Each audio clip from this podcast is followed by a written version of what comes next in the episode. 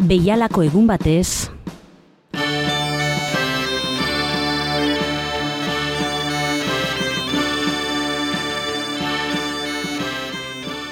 Agur eta ongi etorri Bilbo iria irratiko entzule zaren hori. Datozen minutuetan gure oroimenak gordetzen dituen kutsa irekiko dugu eta gure inguruko egileak, sortzaileak, artistak edota gertaera esanguratsuak bilakatuko ditugu protagonista.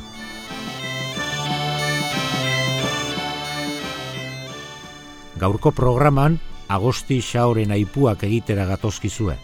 Gaur bezalako egun batez, mila sortzireun eta berrogeita amazortziko urriaren hogeite iruan alegia hilbaitzen baionan. Karlista eta liberala, legitimista, orleanista eta errepublikarra, euskaldun eta frantzesa, suberotar eta manesa, nafar eta bizkaitarra, laiko eta argin beltza. Horregaitik jo dugu beraren gana, xao, estelako inorena eta guztiona delako.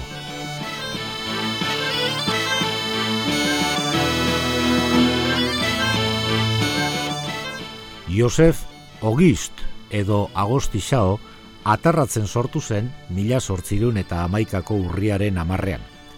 Aita atarratzekoa zen, erregiaren justiziaren ordezkarien familia batekoa, eta ama Rose Lagarde mauletarra, hau ere funtzionarioen familia batekoa. Zazpia nahi arrebetatik nagusia zen agosti. Xao Lagarde etarren etxean Euskaraz egiten zen eta pentsatzekoa denez frantsesa ere bai. Agosti gainera gaskoieraz eta gazteleraz ere ongi moldatzen zen. Dirudienez, alemanez, latinez eta grekeraz irakurtzeko eta itzultzeko adina ere bazekien.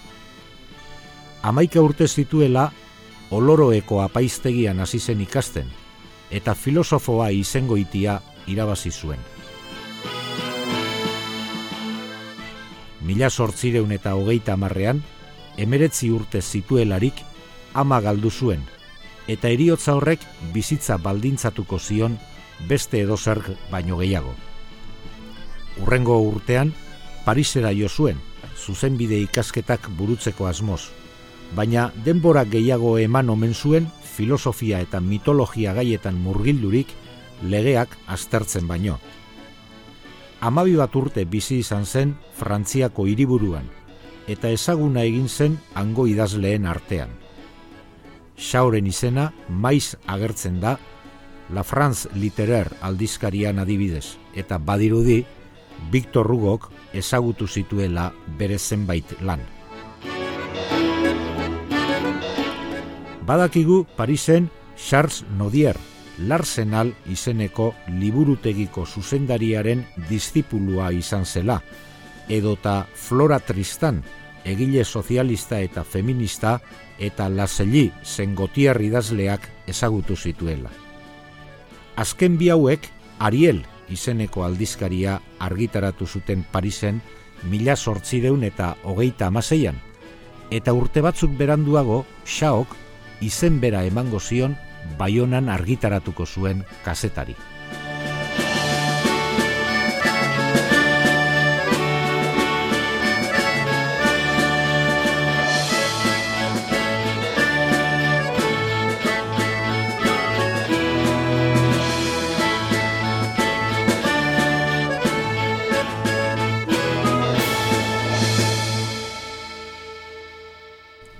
Mila sortzireun eta hogeita amazortzian, Oksitaniako tolosan kokatu zen, Euskal Herrira sartu irten ugari eginez, mugalari lanetan aritzen baitzen, besteak beste, ganiz makeako kontrabandista ospetsuarekin.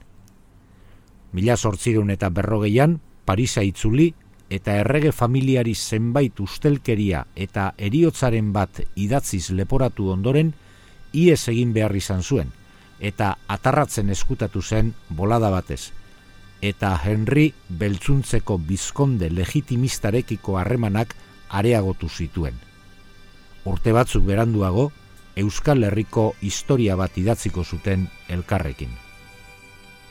Parisa denbora gutxirako itzuli eta gero, mila sortzireun eta berrogeita iruan, zuberoako sohutan aurkitzen dugu berriro, denborarekin musikologo handia izango zen madan bileheliori eskolak ematen. Mila sortzireun eta berrogeita lauan, baionan kokatu zen, eta Pierre Lepesekin batera, Ariel kaseta argitaratzeari ekin zion. Hasiera batean, literatura zidazten zuen, baina mila sortzireun eta berrogeita zeitik aurrera politika zaritu zen gehien bat. Sasoi horretan, kasetari ez ezik, iaia provokatzaile profesionala ere izan zen, zenbait dueluetan parte hartu zuelarik. Oiu bat aditua izan da Euskaldunen mendien artetik. Eta etxeko jaunak, bere atearen aitzinean xutik, idekitu belarriak eta randu. Nor da hor, zer nahi dautet? Eta xakurra, bere nagusiaren oinetan lozeguena, altxatu da eta karrasiz, alta bizkarren inguruak bete ditu.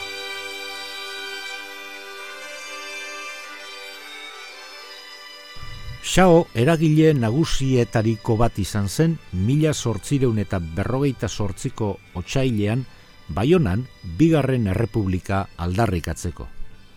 Guardia Nazionaleko komandante, zinegotzi eta kontseilu orokorreko kide izan zen. Hori zela eta barkoseko etxaunek bertso ospetsuak eskaini zizkion. Ona hemen Pierre Topetek etxaunek idatzitako bertsoen zenbait pasarte. Bertan, xaurekiko miresmena erakusten digu barkosekoak. Botzak eman itzatzie, praubik ditien ermaite. Eziurak izanen dira, jende zeiaren halte. Xao depitati baledi, ura hen hala litzate. Hiskal herriko jendia, hinpot ingistos betia. Egizie mus de hori, zien botzen emaitia. Arek eraginen darizi, gure petxen txipitzia. Nahi bada Bonaparte izan jende xeen halte, mus de xao mintzo datinin. Hari bea laket, estate hura handi, nuble, gure jale hen hahalke. Mus de xao behar dizi, aldi juntan kargin sarti. Bestela, iskalerri hunek behar di dipe barati. Behar beitike aberatzen injustizier parati.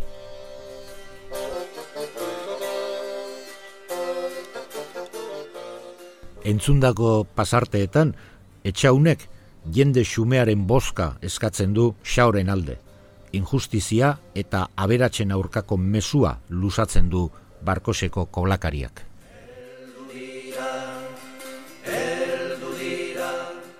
Mila sortzireun eta berrogeita sortziko udaberrian, Kar bon Gargen Prusia Raventura Salearen Lizarrako konplot karlista antolatzen saiatu zenaren bidaidea izan zen gure xau mila sortzireun eta berrogeita amabiko otxailean, Bonaparteren diktadurak Arieli itxiarazi zuen, eta xao behartu Belgikara lehendabizi eta ondoren ego euskal herrira mugitzen.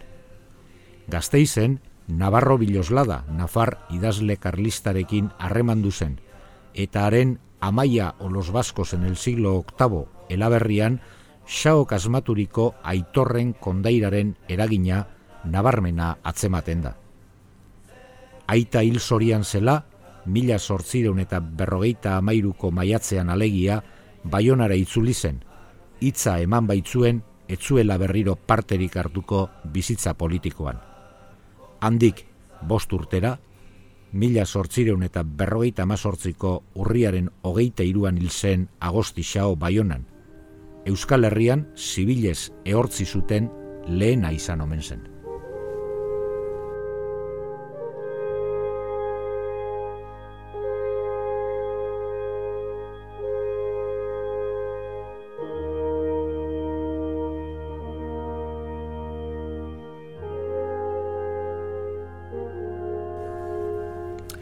Sauren pentsakera eta ideologiari buruz asko eta oso era ezberdinez idatzi da, eta xaologoek ez dira ados jarri. Orokorrean, xauren ideologia oso korapilatxua zela esaten badugu eskara okertuko, baina era berean barne batasun handia zuen. Kristautasunaren aurreko tradizio sekretu baten oinorde sentitzen zen. Egi asko eta alegi asko profeta edo asti batzuengan sinisten zuen. Abel, Krishna, Sokrates, Buda, Aintzinako pitagoriko eta esoterikoei jarraituz, xaoren arabera historia ez da lerro bat, biribil bat baizik. Alegia, irurogei mila urtetik behin errepikatzen da. Nolabait, itzulera eternal batean sinisten zuen. Nietzek amarkada batzuk beranduago zabalduko zuen doktrina berean. Xaorentzat mundua gaztea da sortzi mila urte inguru ditu. Beraz, horretan, aski konservadorea izan zen, Biblian oinarritzen baizen. Xao, poli ala monogenista zen, hau da, pentsatzen zuen gizaki guztiok bikote beraren gandik ala batzuen gandik gatozela, dudamudatan zegoela ipatu behar. Adibidez, Filosofi de Religion Compare liburuan, adanez gain gizateriaren balizko beste hiru aita aipatzen ditu. Baina aita bakar bat edo milioika aita izateko aukera baztertu gabe. Aitor, Euskaldunon aita lehena, abranekin berdintzen du batzuetan, eta tubal, espainolen aita lehenarekin besteetan. Bestalde esan, erligio positibo guztiei uko egin eta bere doktrina sortu zuela. Iao, astien jainko bakar eta irukoa jaurezten zuen. Iaoren izena, Iao goikoati komendator, eta ustez, jabe edo Iao Peter edo Jupiterri lotua dago.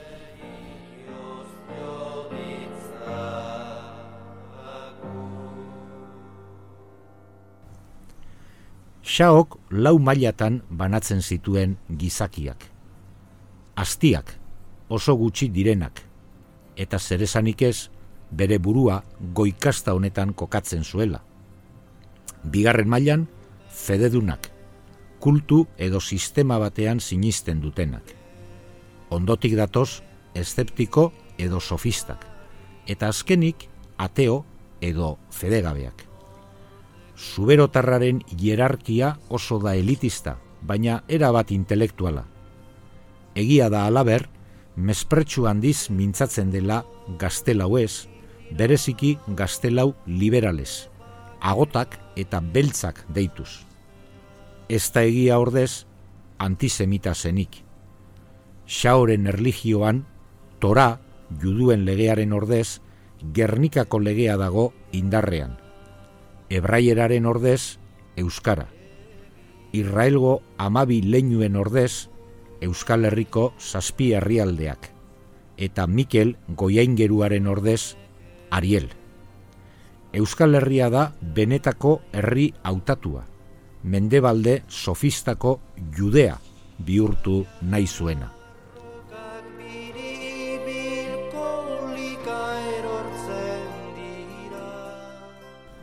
Aipatu dugun guztiagaitik, Xao foruzaleen mito baten aldeko sutsua zen. Euskaldunen jatorrizko monoteismoa da mito hori. Kristautasunarekin bat ez da torrena.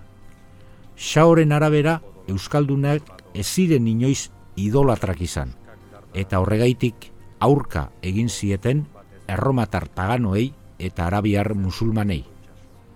Sinismen horrek framasoneriara hurbildu zuen azken urteetan. Baionako Santespirituko logiako kide zen. Xaok oso jarrera gogorra hartu zuen Eliza Katolikoa eta Kristautasunaren aurka, eta agian antiklerikalismo horrek esplikatzen du Agosti Xao basterturik egotea gure artean oraintsu arte.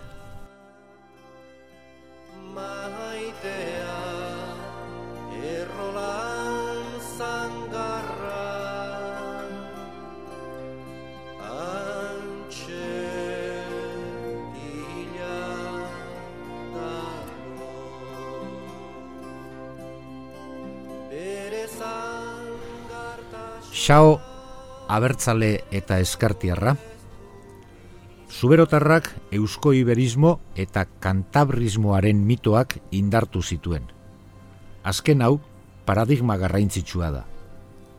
Kantabriarrek, euskaldunek alegia, erromatarrek inoiz menderatu ezituztenek, goduei, musulmanei eta gaztelauei ere aurka egin diete, eta independentziari eutxi karlista da arte. Beraz, independentzia garaian, foruak izan dira Euskal Herriko konstituzioa. Beraz, Euskaldunek asmatu zuten demokrazia. Xaok dio, demokrazia astien gobernua dela, eta teokrazia fededunena. Batzuetan esan da, xao sozialista zela, baina batez ere, errepublikar liberala zen, eta etzuen inoiz ezbaian jarri jabetza pribaturako eskubidea. Gorria zen, Eliza eta estatuaren arteko bereizketaren aldekoa zelako, ez komunista zelako. Itz latzekin salatu zuen komunismoa behin baino gehiagotan. Bere lanetan ez da urkitzen lerro bat ere esklabutza antzean bizi ziren morroien egoeraz, edo ogia irabasteko Ameriketara joan behar zuten milaka euskaldunez. Errepublikarra bazen ere, karlismoaren alde jo zuen, eta bere jarrera nokstikoa gaitik, uste osoa zuen Euskal Herria borrokan ari zela Europako jatorrizko zibilizazioaren ondarrei eusteko. Xao, Don Carlos erregegai karlistaren alde lerrotu zen bere liburu batean esana zuen Don Carlosela Nafarren errege eta Bizkaitarren jauna. Ez da egia, naiz berak horrela dioen, Zumala karregirekin elkarrizketatu zela. Jorge Oteizak esan zuenez, Zuberotarra eta Gipuzkoarra konpondu izan balira, Euskal Herriko historia erabat diferentea izan zatekeen. En nuestra primera guerra carlista, Chao representa el pensamiento por un lado y Zumalacárregui la acción por otro, en la histórica entrevista que tuvieron en Lecumberri el 7 de abril de 1835. Chao trató de convencer a Zumalacárregui que era el País Vasco lo que tenía que defender, pero Chao le habló con un idioma de profetas y patriarcas que la sensibilidad vasca de Zumalacárregui y sus oídos vascos no podían entender. No se entendieron. Históricamente, en esa entrevista ha quedado la clave secreta y detenida de la recuperación de nuestra conciencia de que el pensamiento y la acción son para nosotros al mismo tiempo. Chao volvió a Francia y se perdió para nosotros. Zumalacárregui quedó moralmente desarmado, se dejó morir. Chao, eserri izan heterodoxoa izan zen, eta bere lanak baztertuak izan ziren mila bederatzireun eta hogeita amarreko amarkadara arte. Eusko abertzale ekintzak, Ramon Berraondo eta Justo Garateren bitartez, interesa agertu arte xaorengan. Ondotik, xaok oihartzun ukaezina izan du eskerreko abertzaletasunaren bilakaeran. Berak ulertu zuenez, lehen karlista da Euskal Herria askatzeko borroka bat zen, eta hogeita amaseiko gerla zibilaren ondoren, horrela ulertuko zuten Monzonek, Krubinek eta Etak berak. Horrela ze sortu zen Euskal Herria eta Espainiaren artean izandako eunda berrogeita amar urteko gerraren mitoa, mila sortzireun eta hogeita amairuan lehen karlistadarekin hasia. Xaok agian etzuen ustezko gerla horretan sinetxiko, berak bos mila urteko gerla baten sinisten baitzuen. Saoren aburuz, karlista da, eguzkiaren seme alaben eta gauaren seme alaben arteko borroka bukaezineko gertakari bat besterik etzen.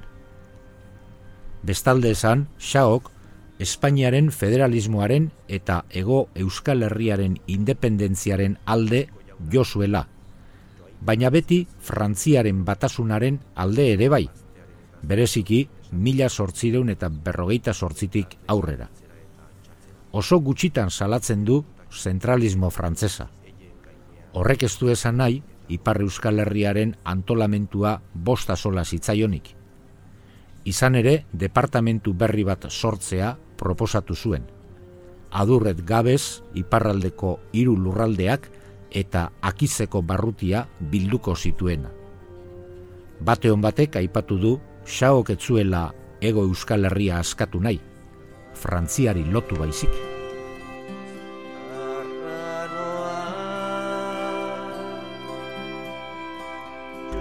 Xaoren ama hizkuntza euskara bazen ere, ia lan guztiak frantsesez idatzi zituen.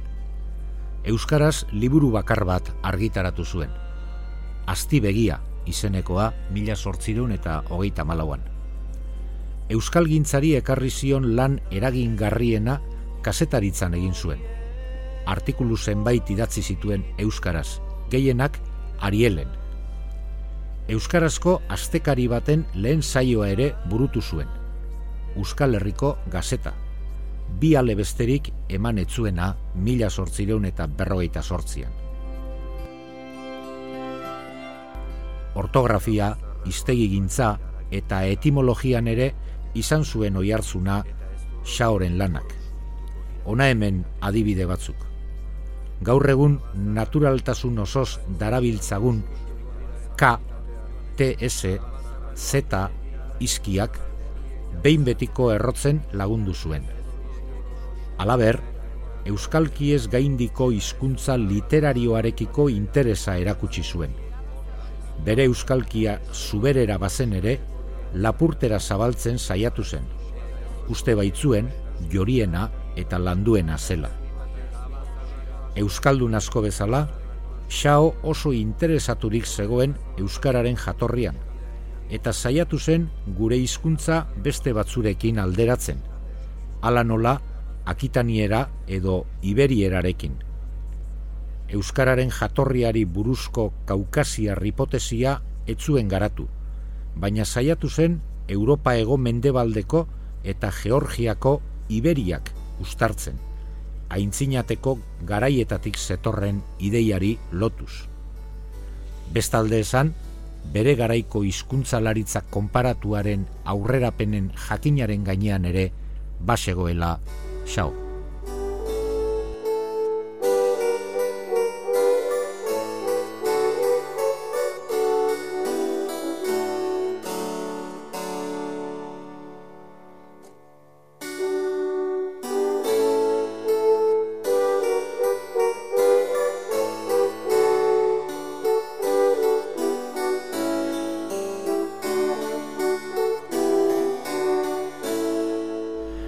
Agostixao mito sortzailea.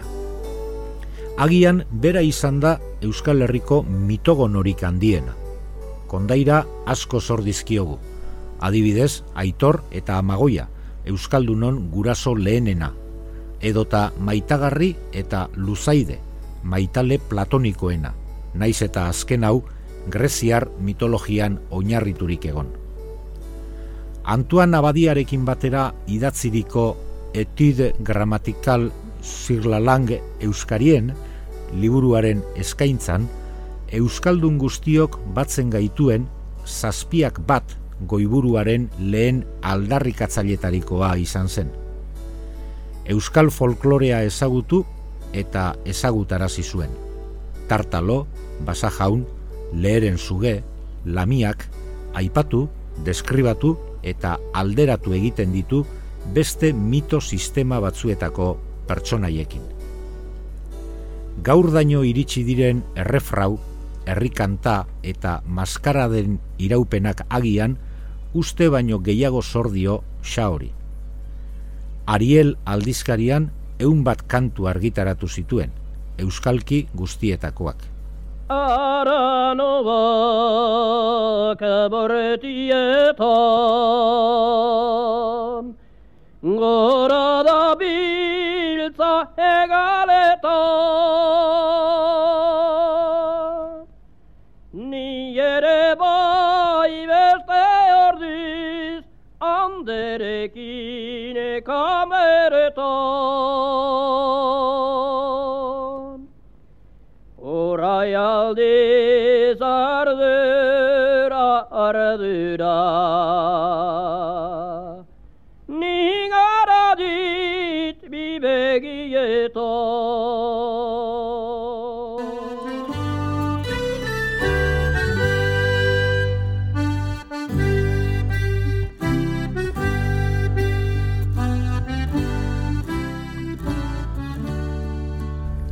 egiazko tradizioak berak asmaturiko kontuekin nahasi zituen. Amaseigarren mendetik emeretzigarren mendera bitartean Euskararen apologistak irakurriak zeuskan. Hala nola, poza, larramendi, erro, astarloa, hauen ideiak edatu eta forma literarioa eman zien. Euskarazko literatura klasikoa ongi ezagutzen zuen, asular eta oienart bereziki, eta kantu apokrifoak ere bai, altabizkarkoa, lelorena eta anibalena adibidez. Euskara giltzarri da xaoren pentsamentuan, apologista guztien gogoetatik ez oso urrun gainera. Zuberotarraren aburuz, Euskararen gramatika sintetikoak pentsa litezkeen bertute guztiak zeuskan, nazioarteko hizkuntzaren oinarria izateko. Euskararen apologiak nolabaiteko esperanto bihurtu nahi izateko punturaino eraman zuen gure xao. Joskera aldatu beharri gabe, Euskarak lurreko hizkuntza guztietako bos milioi hitz bereganatuko litzakela defendatu zuen.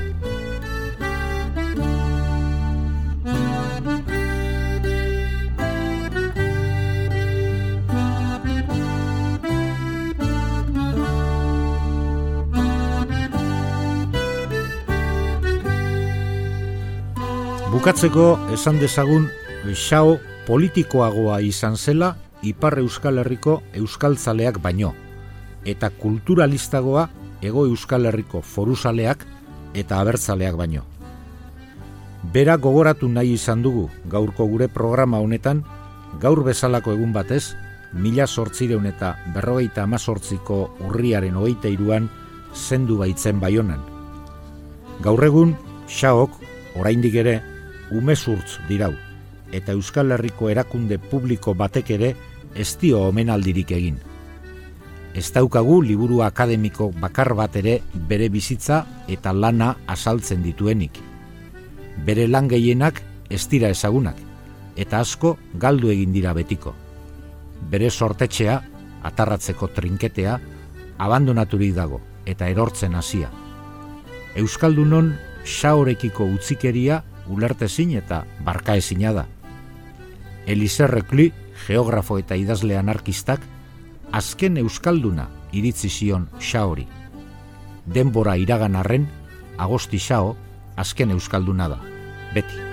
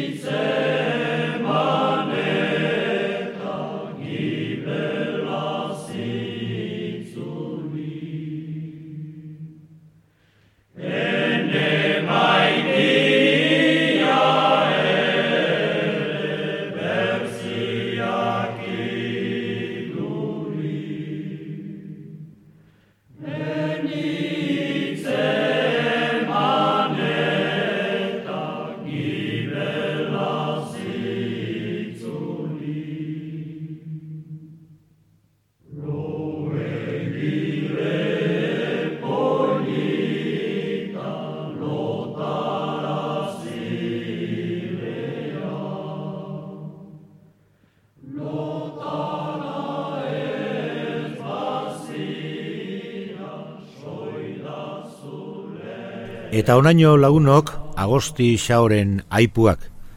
Abertzaletasun modernoaren aintzindari.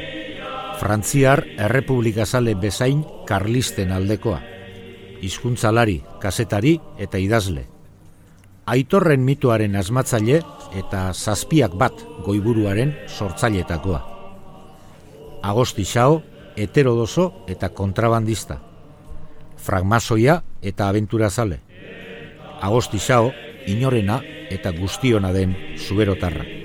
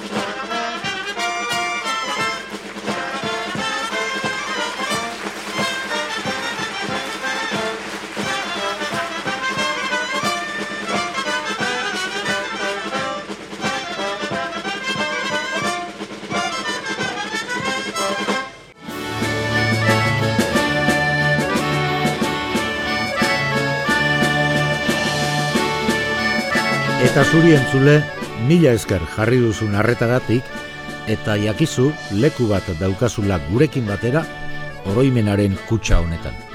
Ondo ondo izan, eta hurrengo bat arte.